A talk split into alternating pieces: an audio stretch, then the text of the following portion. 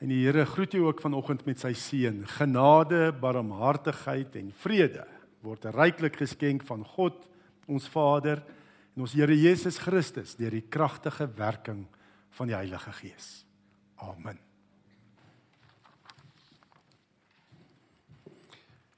Skriflesing kom uit Eksodus hoofstuk 20 en ek gaan lees Eksodus 20 vanaf vers 1 vers 1 tot vers 21.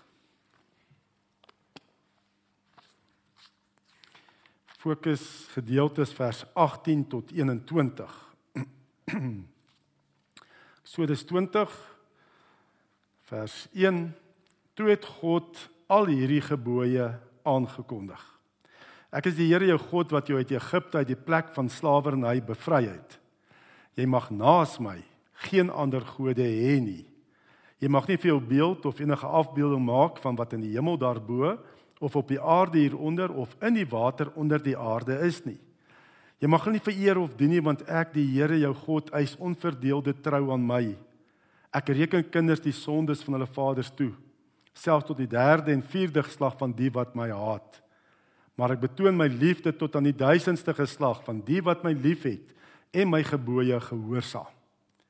Jy mag die naam van die Here jou God nie misbruik nie, want die Here sal die een wat sy naam misbruik, nie ongestraf laat bly nie. Sorg dat jy Sabbatdag heilig hou. 6 dae moet jy werk en alles doen wat jy moet, maar die sewende dag is die Sabbat van die Here jou God. Dan mag jy geen werk doen nie. Nie jy of jou seun of jou dogter of die man of vrou wat vir jou werk of enige dier van jou of die vreemdeling by jou nie. Die Here het in 6 dae die hemel en alles daarin gemaak die aarde en alles daarop, die see en alles daarin en op die sewende dag het hy gerus. En daarom het die Here dit as gereelde rusdag ingestel en dit geheilig. Eer jou vader en jou moeder dan sal jy lank bly woon in die land wat die Here jou God vir jou gee. Jy mag nie moord pleeg nie, jy mag nie egbreek pleeg nie, jy mag nie steel nie, jy mag nie valse getuienis teen 'n ander gee nie. Jy mag nie iemand anders se huis begeer nie, jy mag nie sy vrou begeer nie, ook nie 'n slaaf of slavin, 'n bees of 'n donkie of enigiets anders wat aan hom behoort nie. En dan die fokusgedeelte toe die volk vanaf vers 18, toe die volk die donderslaan, die klank van die ramshoring hoor en die weerligte en die rook op die berg sien, het hulle van angs gebewe en op 'n afstand bly staan. Hulle sê toe vir Moses: "Praat jy liewer met ons en ons sal luister." Moet tog nie dat God met ons praat nie want dan sal ons sterf. Maar Moses het die volk geantwoord: Moenie bang wees nie want God het gekom om julle te toets. Hy wil hê julle moet ontzag hê vir hom en nie sondig nie. Die volk het op 'n afstand bly staan, maar Moses het nader gegaan na die donker wolk waarin God was. Ja, ehm um, hierdie gedeelte kom terwyl Israel hierdie skrifgedeelte as ek die konteks kan gee was terwyl hulle nog in die woestyn rondgeswerf het. Nee, en 'n woestynfase is gewoonlik was vir Israel daar gewees om hulle voor te berei om die beloofde land, God se beloftes te ontvang. Nee, dit is die die die kern, die betekenis van 'n woestynfase. Dis 'n voorbereiding vir mense om God se beloftes te ontvang. En dit is hoe dit vandag ook werk, nê? Nee? Voordat die Here se beloftes, die Here dalk aan jou spesifieke beloftes gegee of 'n spesifieke roeping waartoe hy jou roep. Voordat dit begin en dit gebeur en realiseer, is daar gewoonlik eers 'n woestynfase. 'n Tydperk van voorbereiding want die volk moes voorberei word voordat hulle die beloofde land ingaan sodat hulle ook as God se volk kan lewe in die land Kanaan. So daar's altyd 'n tydperk van voorbereiding, van toets. Nê? Nee, vers 20 staan daar. Sê Moses vir die volk: Moenie bang wees nie want God het gekom om julle te toets. Dis die Hebreëse woord nasa. Toets. Nee, hierso daai Hebreëse woord beteken letterlik om die mens se karakter te verfyn sodat hy en sy meer intiem met God sal wandel. Voordat God sy beloftes waar maak, nê, soek hy eers daai intimiteit. Berei jou voor dat jy intiem met God sal wandel, dat wanneer sy beloftes waar word in jou lewe en goeders gebeur, nê, nee, dat jy sal weet dis die Here en dis nie jy nie. Nee, anders dan raak ons maklik hoogmoedig, nê, nee, sê wow, kyk net, ek het daar gebid en dit en dit het gebeur. Ek het daai bediening gedoen en soveel mense tot bekering gekom en ek wil die eer vat. Maar wie is dit? Dis die Here. So eers daai verhouding met die Here hê, nê, nee, dat jy intiem met hom wandel voordat sy beloftes waar word. En ehm um, Ja, daar gaan altyd beloftes en 'n roeping wat die Here het op jou lewe gaan vooraf met dit woestynfase, tyd van toetsing, van voorbereiding, van verfyning dat jy van die wêreld en vlees bietjie kan ontslaa raak en dat dit meer God is en dat dit God alleen is. Nee, dat jou hart er op die regte plek sal wees, dat jy regte verhouding met die Here sal hê. Dan kan hy jou gebruik net dat die Here begin heers in ons lewens. En dan kom jy net by die beloofde land en God se beloftes word waar. Sy roeping begin realiseer in jou lewe want hy het jou voorberei. Jy's nou 'n instrument wat hy kan gebruik. Nee, hy moet jou 'n bietjie slyp en skerp maak, voorberei. Maar nou is die vraag, nê, nee, sal ons tot God nader? Want ons hak baie keer vas so by woestynfase. En ons weet hierdie generasie van Israel nê, nee, het vasgehaak in 'n woestynfase. Hoekom? Hulle het nie tot God self genader nie. Nê? Nee, hulle hierdie generasie geslag het nie die beloftes ontvang nie. Want hulle het nie soos Moses gesê, maar ons sal tot God nader nie. Ware aanbidders nader self tot God soos Moses. Net sal ons tot God nader nader jy self tot God in hierdie tydperk van voorbereiding. Want dis belangrik. God soek 'n eerstehandse verhouding met jou. Dan kan hy deur jou werk. Nee, ehm um, baie keer wil kerkmense, nê, nee, geestelike professionele mense hier, hier om die dinge vir hulle te doen.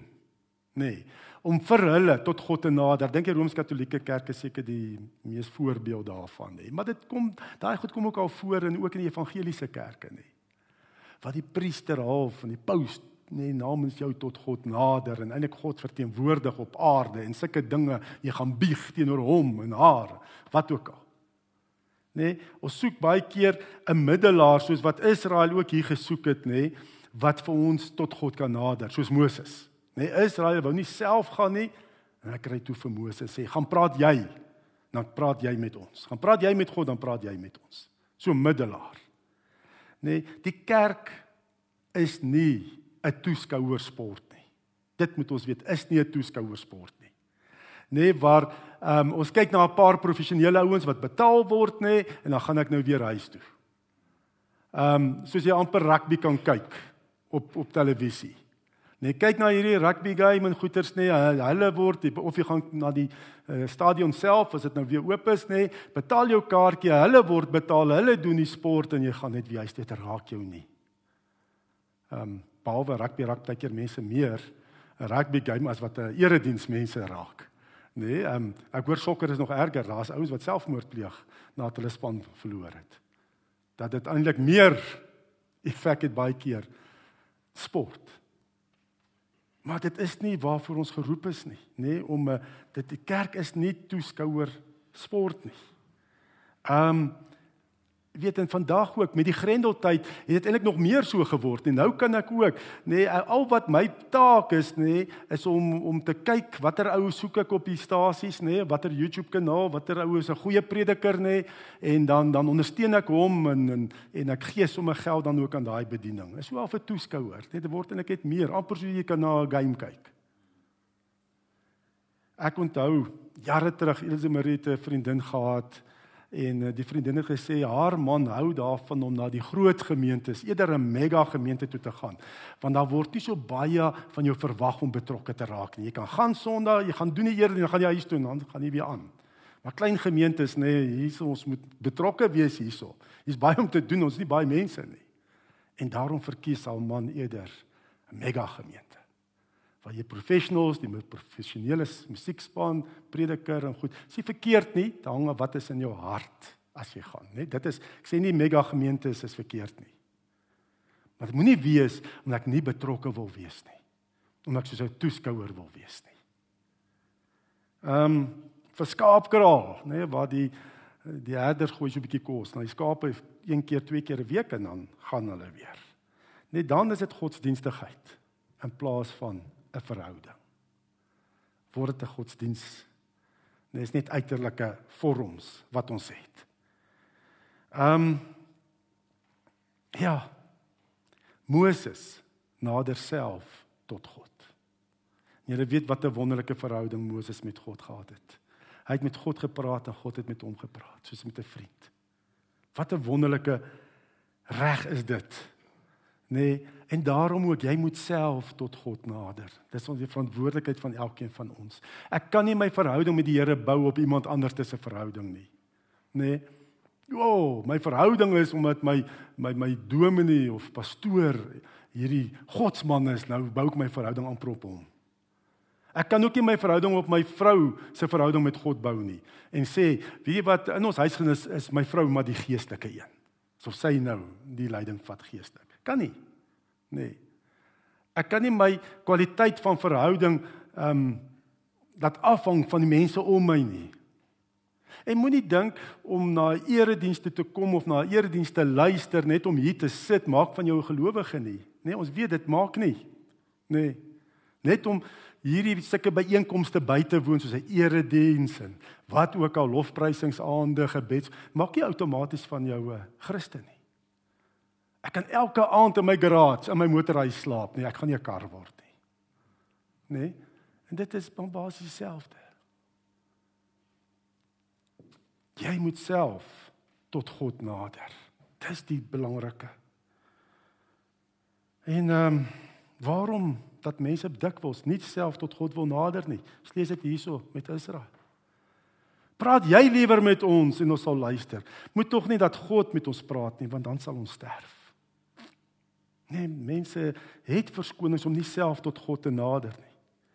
Nou voordat ek wil kyk waarom mense dikwels op 'n afstand bly en nie self na God wil nader nie, voordat ek daarna wil kyk, wil ek eers kyk na die betekenis van die wet, nê? Ek ek nou hier begin by vers 1 wat nou gaan oor die 10 gebooie. Wat is die betekenis van die wet? En die wet was nooit van die begin af was dit nooit die doel gehad om 'n vereiste te wees om verlos te word en deur God aanvaar te word nie. Die wet was nooit bedoel as 'n vereiste om verlos te word en dat God jou aanvaar as as sy kind nie. Nee, dit dit staan baie duidelik hierso eintlik vers 2 nê. Waarmee begin die Here? Hy red eers sy volk nê. Met 10 plaae. Hy doen eers groot dinge en vat hulle deur die Rietsee en die Farao en sy soldate verdrink. Hy red eers. En dan gee hy sy wet. Ek is die Here jou God wat jou uit Egipte uit die plek van slawerny bevry het. Nee, die Here red eers. Hy maak jou eers sy kind. En dan gee hy sy wet nie as 'n vereiste om sy kind in aanvaar te word nie, maar om te sê, maar weet wat, omdat jy verloste kind is, nê, sê dankie. Nee, dis die manier ons dankie sê vir die Here. Nee, en wat ons ook ons liefde vir die Here wys, want hy red ons eers uit liefde, genade, net deur sy seun Jesus Christus en dan is die wet daar sê dankie Here. Dankie. Ek het niks verdien nie. Ehm um, ek het U terug lief. Ek meen as jy die Here terug lief het, dan gaan jy sy naam nie as 'n vloekwoord gebruik nie. Nee, uitelik nie. As jy Here terug liefhet, gaan jy nie ander gode aanbid en God almagtig gelykstel aan dinge wat niks beteken nie. Jy verlaag hom. Dit is hoekom die wet daar is. Sê Here, ek gaan nie aan haar gode aanbid nie. Dis my vertroue is net aan U. Ek gaan U naam in ere hou. Nee. En ek sal opstaan vir U naam. Want U het eers opgestaan vir my, my kom red uit genade. Dankbaarheid, liefde. Ehm um, Die tweede, die volgende op volgende generasie wat toe die beloftes ontvang het, nê, net voordat hulle die beloofde land ingaan, gee Moses weer vir hulle God se wet as die riglyne hoe moet hulle leef in die beloofde land as God se volk, God se uitverkore volk, nê? Hy weer herhaal hy weer die 10 gebooie en daarna, nê, na Deuteronomium 5, Deuteronomium 6, gee hy dan die betekenis vir daai op volgende generasie wat die beloofde land ingaan, gee die betekenis van die wet. Deuteronomium 6 vers 4 en 5. Luister Israel, die Here is ons God, hy's die enigste Here. Daarom moet jy die Here God lief hê met hart en siel en met al jou krag. Dis waaroor dit gaan. God soek 'n liefdesverhouding. Nee, hy soek jou hart. Ehm um, en ek ek as ek nou net dink aan die finansiële kursus wat ook uh, aangebied het.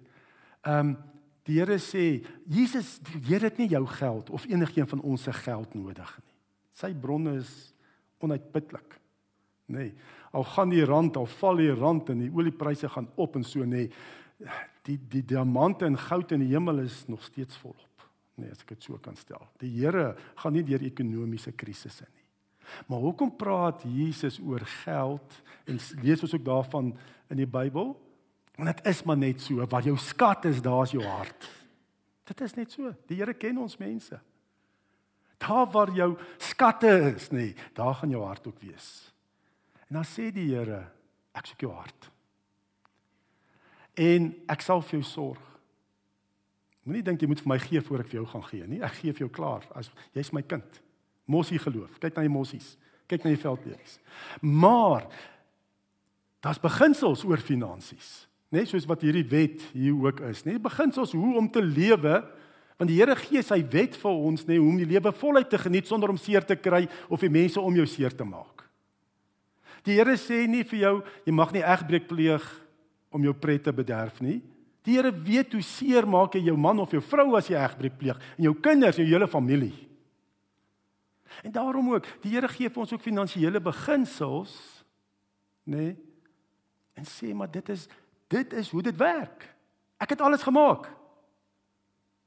Nê? Nee, volg dit. Wie die ouens sê vir my de, oor die naweek, hoekom moet ek nie al 20 jaar terug dit gehoor het? Maak so sin. Dit wat die Here leer oor finansies. Want die eerste ding wat in 'n kerk gesê word, saai en maai. En as jy saai, dan gaan jy soveel terug. Dit is niks daarmee te doen nie. Dis vir koninkrykswerk. Dis nie op jou vlak van jou versorging nie. Glad nie. Die Here sal jou sorg. Glo ons wat die Here sê in sy woord dat dit die beste is vir jou lewe. Glo ons dit of het ons bietjie ons eie plannetjies wat ons maak? Want God soek net die beste vir jou. En dis waarvoor hy sê sy sy wet ook gee nê? Want hy soek die beste vir jou nê? Sê lewe hier volgens nê? En dan nê gaan jy die lewe kan geniet voluit geniet nê? Sonder om seer te kry of ander. Dis jou beskerming. Dis my liefde vir jou. Dis jou liefde terug vir my dis al dis nie om aanvaar te word of om 'n kind van God te word nie ek doen dit uit genade Hierdie woorde van daarom moet die Here God lief hê met hart en siel en met al jou krag, dat die Here jou hart soek. Hy soek hy vader-kind verhouding. Ehm um, dis die woorde wat Jesus ook gebruik in die Nuwe Testament, Matteus 22 vers 37 tot 40. Toe die skrifgeleerdes wat baie wetties was, nê, wat van die wette voorskrif gemaak het om tot God te nader. Toe hulle vir hom vra, 'n skrifgeleerde, ehm wat is die grootste gebod? Toe sê Jesus hierdie woorde. Verstaan, van die begin af was dit dieselfde. Dis nie ander God nie. Hy soek jou hart. Hy soek 'n liefdes-vader-kind verhouding met jou. Dis wat hy soek. Toe sê Jesus ook, jy moet God bo alles lief hê en jou naaste soos jouself. Ehm um, Nou redes hoekom mense wegbly om tot God te nader. Die eerste rede is mense dink God is ontoeganklik. Hulle kyk na hulle eie lewens en dink maar ek kan nie na die Here toe gaan nie. Ons kry hierdie rede ook hier in vers 18 en 19. Eh, waar staan toe die volk die donderslaan, die klank van die ramshoring hoor en die weerligte en die rook op die berg sien, het hulle van angs gebewe en op 'n afstand bly staan. Hulle sê toe vir Moses: "Praat jy liewer met ons en ons sal luister. Moet tog nie dat God met ons praat want ons want dan sal ons sterf." Ja, ons is raak in vreesagtig, nê? Nee? Israel sien God se mag, sy grootheid, sy heerlikheid, sy heiligheid en hulle bewe vanweë hulle sondes. Nee, hulle hoor net hoe groot, almagtig en hulle dink wie's ek? Ek het hierdie klomp sondes. Die Here het nou gesê, hier's my wet. Nee, hulle verstaan dit verkeerd. Hulle maak van die wet 'n vereiste wetsvoorskrifte om tot God te nader en hulle sê nee, ek kan nie tot God gaan nie en hulle bewe van angs en hulle wil eintlik net wegkom. Nê? Nee, wets as jy van wetsonderhouding, as jy dink dit hang van jou af om tot God te nader, jy sal nooit tot God kan nader nie. Nee, ehm um, jy gaan dink die Here is ontoeganklik want jy kyk na jou lewe, jy weet God se grootheid, almag en heiligheid. Kyk na jou lewe en jy gaan nog minder vrymoedigheid hê om te nader. As jy hierdie wettiese verhouding met God het, dink ek moet doen, dan gaan God gee. Ek moet dit doen gee. Weet dis heeltyd dit. Alles hang van my af en dan sal die Here reageer. Ehm um, ons lees selfs die Nuwe Testament, nê, nee, hierdie hierdie wettiese verhouding met God, nê, nee, wetsvoorskrifte. Ons weet selfs in die Nuwe Testament ook. Dit was die probleem van die Jode gewees. Hulle het heeltyd hierdie wet, hierdie skrifgeleerdes en fariseërs het die 10 gebooie gevat nog verder. Ek weet nie hoeveel kleiner wette uitgewerk hoe om dit te onderhou. Nee, daar's baie voorbeelde en belaglike kleiner wette wat hulle bygesit het. Byvoorbeeld, ek het dit al genoem, op 'n Sabbatdag, nê, mag jy nie 'n uh, stoel skuif nie, want dan maak jy mos nou 'n slooitjie in die grond, nê, en dan ploeg jy. So stoele moet net stil staan. Weet seker tipe goed, het hulle bygesit. Wettiese verhouding. Want kyk op 'n Sondag mag jy mos nou nie werk nie. Op 'n Sabbatdag. En selfs op 'n keer vra Jesus vir sy Vader, Vader, vir openbaar u heerlikheid aan my en aan die mense wat om my staan. En ehm um, Jesus vra, Vader, verheerlik u naam. Toe het daar 'n stem uit die hemel gekom en sê, ek het my naam verheerlik en ek sal dit weer verheerlik. Die mense wat daar gestaan en dit gehoor het, gesê daar dat daar 'n donderslag was. Ander het gesê 'n engel het met hom gepraat. So sekere mense nê wat hierdie wettiese nê As God praat, wat hoor hulle? Donderslag, oordeel, trompette, sulke goedes wat Israel ook gehoor het, nê. Jy hoor nie God se stem nie. Maar die ander het gesê, ja, 'n engel het gepraat, het God se stem gehoor.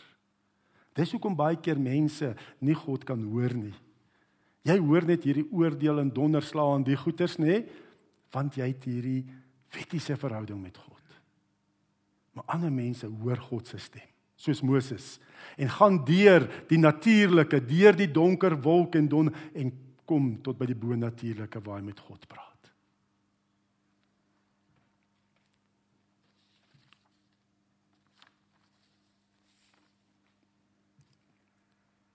Ja, Moses hy het God se mag en heerlikheid gesien. En wat het hy gedoen? Hy het God aanbid. Hy het God aanbid. Jy kan God ken en jy kan tot God nader. Ehm um, moenie dink God is ontoeganklik nie. Moenie dink nee, ek kan nie. Ek is te sleg.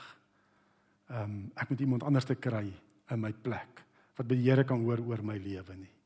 Jouself moet hoor. Jouself moet tot God nader. Ehm um, God is natuurlik een ding wat ons kan krediet gee vir Israel. God is die groot, almagtige, heilige God, né? Dit moet ons uitbesef. Net baie keer klink dit vir my of mense God eintlik probeer klein maak in hulle gebede, né? Dat amper my speelmaatjie is en so. Um ons moet besef, God is groot, almagtig, heilig, heerlik. Maar hy is ook 'n genadige een wat vergewe en wat jou hart soek ag net na hierdie selfde mense daar by by die berg, net daai selfde ehm um, volk generasie nê. Ehm um, toe Moses 'n bietjie lank weggebly op die berg. Wat gaan doen hulle toe? Hulle gaan bou vir hulle afgod nê, 'n goue kalf en sê dis die God wat ons verlos het.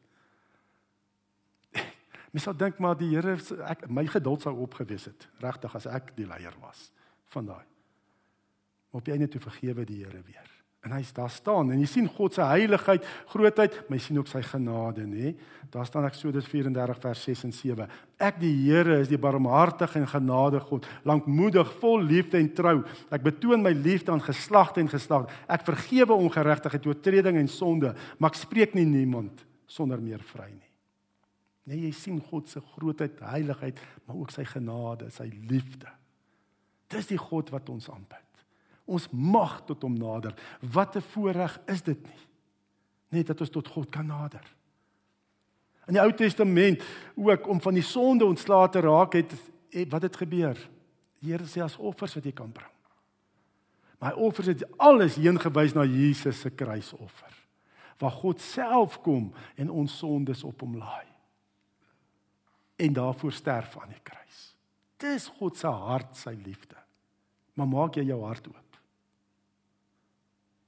Wat is jou verhouding met die Here? Dit is my so belangrik. Wat is jou verhouding met die Here?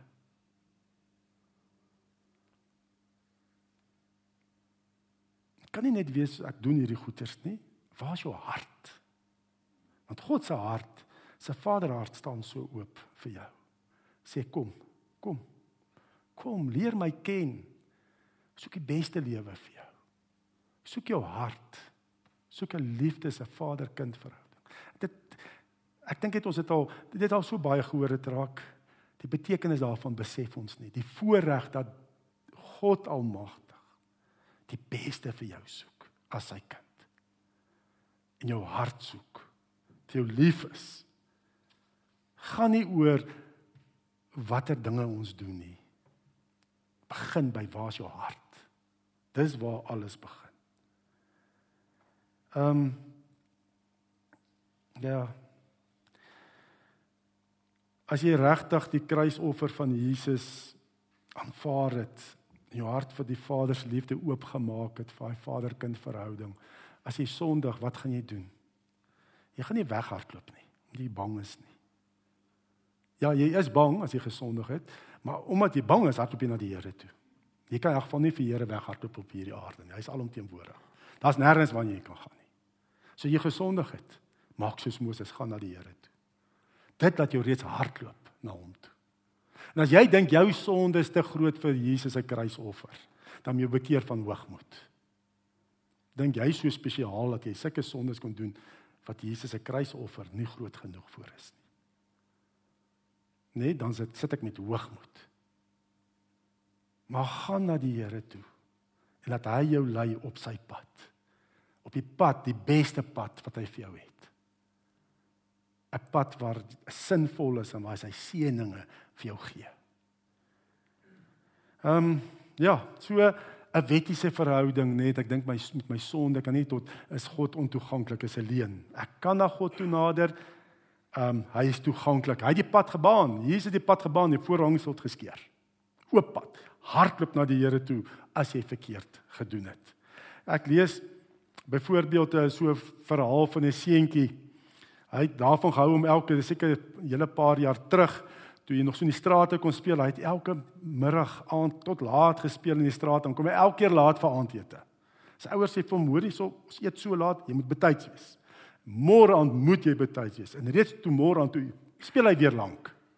En hy kom laat in en toe hy in die huis instap, toe sit sy pa maar klaar aangesit aan die tafel om te eet. Hulle borde is klaar ingeskep. Hulle wou net begin eet. Toe stap hy en hardloop toe gaan sit op sy stoel. En hy kyk toe voor hom voor hom was toe net 'n op sy bord is toe net 'n stuk droë brood en 'n glas water. En hy kyk so en hy hy dink toe weet hy so verleë, hy weet nie wat hoekom, hoe kan hulle en hy hy wonder nog hieroor nê en skielik rek sy pa so oor na sy bord toe. Vat daai bord ehm um, daai bord met brood sit hy voor sy pa voor homself neer en vat sy volbord kos en sit so voor sy seun neer. En die seun sê toe hy groot geword het, al die jare geweet wie is God die Vader deur dit wat sy pa gedoen het. Ehm um, hy het God daar geleer ken. Wie is God as my Vader? En dis sy pa wat toe vir hom glimlag. Dis God. Maar nog 'n rede waarom baie mense God probeer vermy en nie self nader nie. Ons kry daarvan lees ook daarvan Eksodus 20 vers 20, maar Moses die volk geantwoord: Moenie bang wees nie, want God het gekom om julle te toets. Hy wil hê julle moet ontsag hê vir hom en nie sondig nie. Nê? Nee? Baie keer wil mense nie na God toe gaan nie. Hulle probeer God vermy omdat hulle reeds wil aanhou sondig. Die Here het al reeds iets gewys en uh, jo, en dit is nie lekker om elke keer te besef maar dis nie reg nie. En nou vermy ek reeds die Here om aan te hou sondig. My sonde deur te voer. Nee, dis baie keer wat gebeur ook. Party mense vermy God omdat hulle aanhou wil sondig. Want God is eintlik vir hulle hierdie pretbederwer. Alles wat lekker is is sonde. nê? Nee? En ek moet vir jou sê as jy wettiese verhouding met Here het, dan is dan is God vir jou pret bederwe. Alles wat lekker is sonde. Ek het daai ek het verlang so verhouding met die Here gehad. Nee, dat ek gedink het alles wat lekker is sonde. Ehm um, en en reeds omdat ek wil aanhou sondig wil ek nie tot God nader nie. En ek dink ek gaan meer vervulling in die sondige wêreld kry as wat ek in 'n verhouding met die Here sal kry. Dis wat mense baie keer dink. En nou het ook 'n stadium in my lewe gekom. Wat ek net besef het maar hierdie lewe in die wêreld is sinloos. Net dit bring nie vervulling nie. Dit bou so op en dan val dit net weer so plat. Dit bou so op en val dit net so plat week na week. Nee vir daai tydperk wat ek so in die weermag staan en mag was. Nee, hier maandag nee, en ek dink baie mense worstel dalk dan maandag is nou nie so lekker dag nie. Dan bou dit so op na die naweek toe. Word dit beter nee, en dan slaat jy weer maandag, die volgende maandag. Ehm um, dan dan bou dit net weer so op? Nee? En jy dink, "Wow, die wêreld gaan vir jou vervulling gee in jou lewe." Dit gaan nie. Dit gaan nie. Dit is 'n verhouding met die Here alleen. Net die tydelike sondige lewe, daar's nie vervulling nie. En ook baie keer ons eksperimenteerders, nê. Ons kyk hoe ver ons kan met die sonde gaan voordat ons seer kry. Ehm um, ons eksperimenteer met die lewe. En dit is veral ons jong mense, nee, as jy uit die skool uit is, weg uit die ouer huis, nê, dan sal jy hier eksperimenteer. Kyk hoe ver hulle met die sonde kan gaan net voordat dit die gevolge te erg is. Ek seer kry. Dis soos van 'n kunswerk, 'n baie moderne kunswerk waarvan ek ook al gelees het in 1982, was daar by kunsuitstalling uh, so 'n moderne kunswerk, nee, jy gaan sit op 'n stoel en dan daar gelaaide haalgeweer en dan kyk jy in die loop vas. En hy's aan 'n tydmeganisme, die haalgeweer is oorgehaal en aan 'n tydmeganisme dat jy in volgende 100 jaar gaan een of ander tyd gaan hy afgaan. En mense het blykbaar toue gestaan buite om vir hulle minuut daarvoor te gaan sit en te sê maar in my minuut sal die hougeweer nie afgaan nie. Dis snaaks dat mense so dobbel, nê? Party mense dobbel so met hulle lewe. Nê?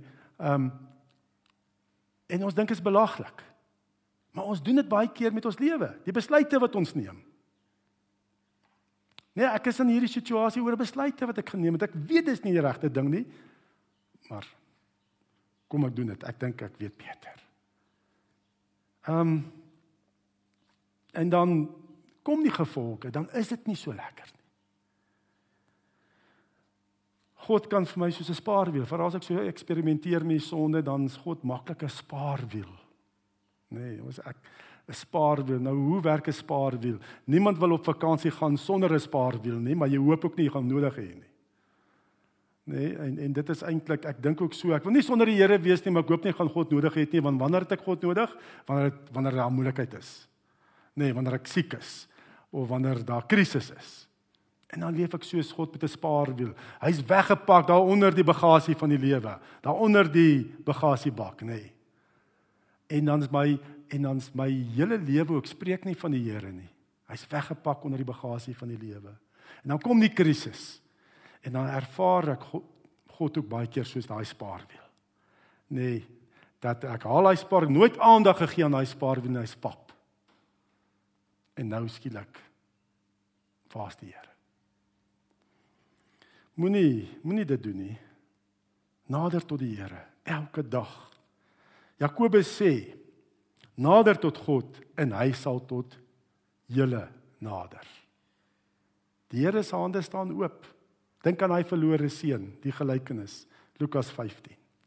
Die Here se hart en hande staan oop vir jou en sê: Kom, kom na my toe.